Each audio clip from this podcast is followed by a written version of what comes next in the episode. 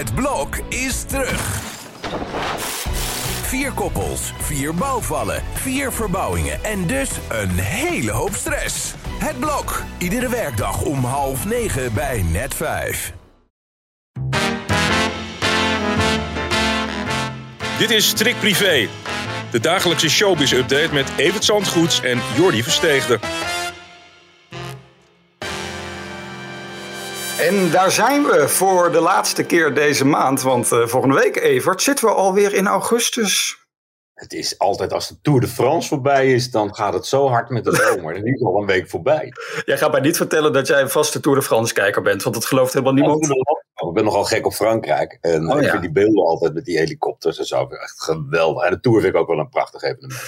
Wie zou het maar doen, zeg, zo net fietsen. Ja, zeker. Ja, je hoort het. Ja, dit is dan wel de Showbiz podcast. Maar het mag gerust ook een beetje persoonlijk worden. Want ja, ik zit uh, dus op locatie. Ik zit in een niet nader te noemen concern. Ik ben zeven jaar samen met mijn vriend. Dat wil ik toch even delen. Ook goed ja. ook, hè? Nou, gefeliciteerd in elk geval. Je weet wat ze zeggen over zeven jaar, hè? Is... Ja, zullen we het daar niet over hebben? Want anders gaat het nu al mis. Dat...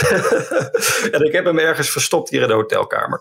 Uh, ja, goed. We mogen het persoonlijk maken. Nou, Chantal Jansen, die maakt het deze week wel heel persoonlijk. Want die, die lijkt van de pot gerukt, Evert. Die, die liet wat los over, over haar uh, ontlasting. Heb je dat gelezen? Ja, ik vond het riooljournalistiek van de eerste van de plan. Dat is toch echt niet om het over te hebben. Ja. ontlasting van Chantal Jansen. Ja. Zullen we het daarbij laten?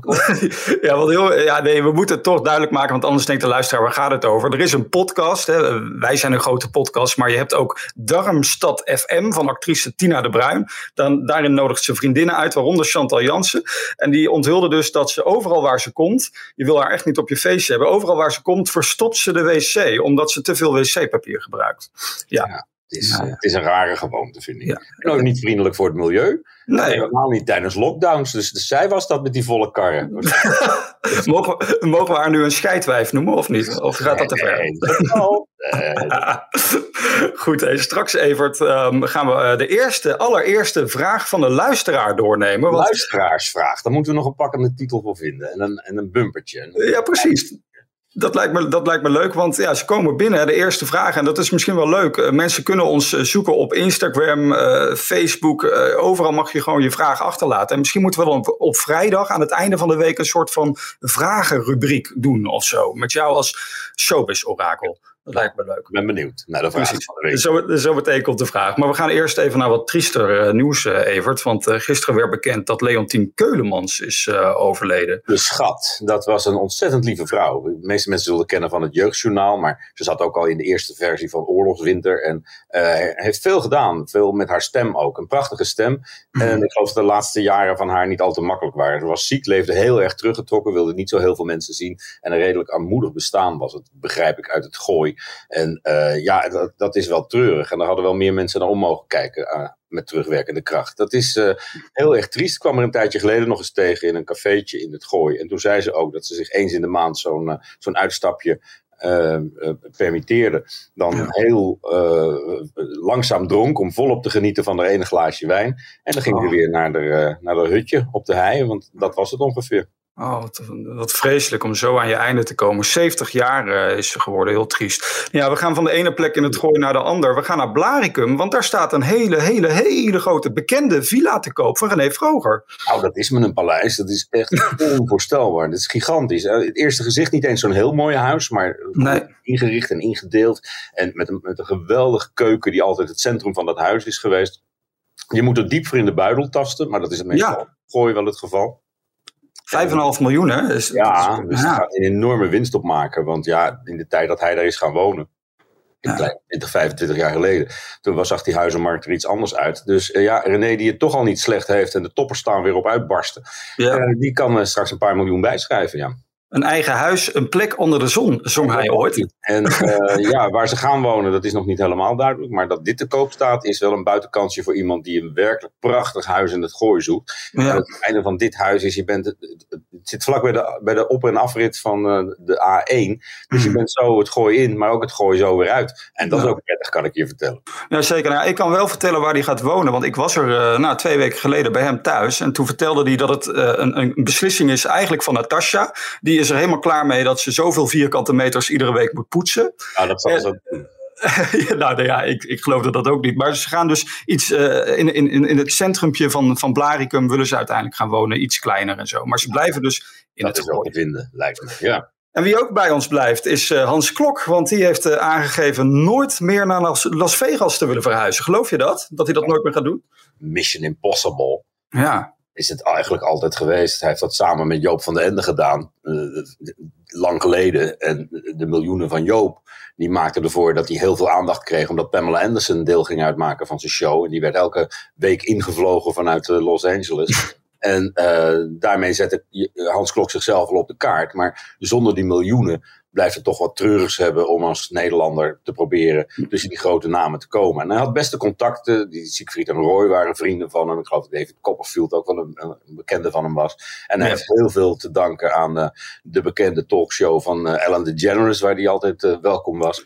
Maar het was toch niet de Hans Klok show zoals hij destijds met Pamela Anderson deed, de laatste poging. Toen kwam ook nog corona, dus ik kan me voorstellen dat hij zegt, je bent daar helemaal niks. Laat ik maar lekker maar op uh, Nederland concentreren. Nou moet ik zeggen dat hij ook in Duitsstalige landen erg succesvol is. Je kon uh, uh, geen krant openslaan. Of er stonden altijd wel advertenties van Hans Klok in, in, in, in Duitsland, Oostenrijk en Zwitserland. Dat, daar liep het wel goed, maar ja, dat heeft hij allemaal terug de rug toegekeerd toen hij het uh, opnieuw in uh, Las Vegas ging proberen. Dat is zijn ideaal altijd geweest, maar ik denk dat hij dat nu toch echt gewoon moet gaan opgeven. En dat ziet hij zelf ook in. Ja, nou, zakelijk ging het hem allemaal dus iets minder voor de wind. Maar privé gaat het wel heel goed, hè? Want hij gaat trouwen dit jaar nog met Dan. Dus dat, uh, dat is mooi nieuws. En over trouwen gesproken. Dit weekend staat misschien wel het showbizhuwelijk van, van dit jaar op de planning. Maxime Meiland, hè? het ja, gerucht morgen, gaat... Morgen zou dat het geval zijn. Ik begrijp dat Nadege niet is uitgenodigd. En oh. daar gewoon teleurgesteld over was.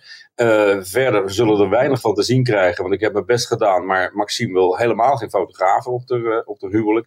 Oh. En uh, dat is jammer, want het is een, een mooie, ongetwijfeld mooie bruid. En een knappe bruidegom. En dat levert altijd leuke plaatjes op met die kinderen. Maar Hmm. die blijven allemaal bewaard voor de docu-soap natuurlijk, die opgenomen wordt. Chateau Meiland gaat weer van start. En daar past dit huwelijk in. En daar wordt dat exclusief voor gehouden. Al zullen er zondag wel wat beelden naar buiten komen. Nee, ik vind dat wel een beetje flauw. Want weet je, zij laten nooit iets uh, privé. Je kan het altijd zien en, en daar profiteren ze ook van, want daar verdienen ze hun geld mee. En dan op zo'n belangrijke dag uh, mag de showbiz niet komen. Ja, ik, ik... ja, maar ja, ze hebben van hun privéleven hun handel gemaakt. Dus ja. dat eigen handen houdt, dat begrijp ik ook wel een beetje. Maar het is, uh, het is voor ons jammer, want ik had het graag gebracht van de week. Het, het huwelijk, exclusief. Dat snap ik, dat snap ik. Nou goed, we gaan tot slot, Evert. We hebben het de luisteraar beloofd. En vooral deze luisteraar die gisteren met de allereerste vraag kwam. Ik mag haar naam dus niet noemen, maar ik wil de vraag wel aan jou stellen, want hij is aan jou gericht. Um, de vraag is namelijk of André en Monique nou wel of niet gaan trouwen. Want er zijn wel tegenstrijdige berichten in diverse ja, social media. Ik heb een collega die ervan overtuigd is dat de foto's die ze deelden vanuit Thailand het bewijs zijn dat het niks wordt. Ja, het is een ja. theorie waar ik geen touw aan kan vastknopen. Oh. Want die zagen er toch hartstikke vrolijk uit, die foto's. En uh, ja, ik weet alleen maar dat toen ze in Amerika waren en door ons gefotografeerd waren en, en daar geen benul van hebben, ja, toen lagen ze in elkaar, op elkaar en tegen elkaar de hele dag in het zwembad. En dan weten ze niet dat ze gefotografeerd worden. En wat ze Nee. selectief naar buiten brengen zijn foto's van enige afstand. En ik, het, zal best dat ze terug waren in Nederland en dat ze iedereen weer een kant op gingen. Want dat is wat Videoland wil. Die willen niet dat, we samen, dat, dat ze samen wonen in dat huis in Berkel-Roderijs. Want dat is de ontknoping van die docu-soap. Ja. Dus ik kan die mevrouw geruststellen. Ik heb zelf het idee dat het weer dik en dik aan is. Die twee die zijn echt voor elkaar gemaakt. Hebben zoveel stormen doorstaan. En die gaan gewoon met elkaar verder. En je moet niet alles geloven wat andere mensen zeggen. Kijk, nou dan is deze vraag beantwoord en uh, eindigen wij met de oproep. Heb je vragen? Uh, uh, laat maar binnenkomen. vind ons op social media en, en, en, stel je vraag, want dan gaan we hem gewoon behandelen in deze podcast volgende week weer. Want dan zijn we er weer op maandag. Ja, precies, maandag. Heerlijk, om 12 uur weer een nieuwe podcast op telegraaf.nl. En weekend. En gefeliciteerd met je zeven jaar. Laat het het begin zijn van mijn 30. Oudoe Evert. Hoi hoi.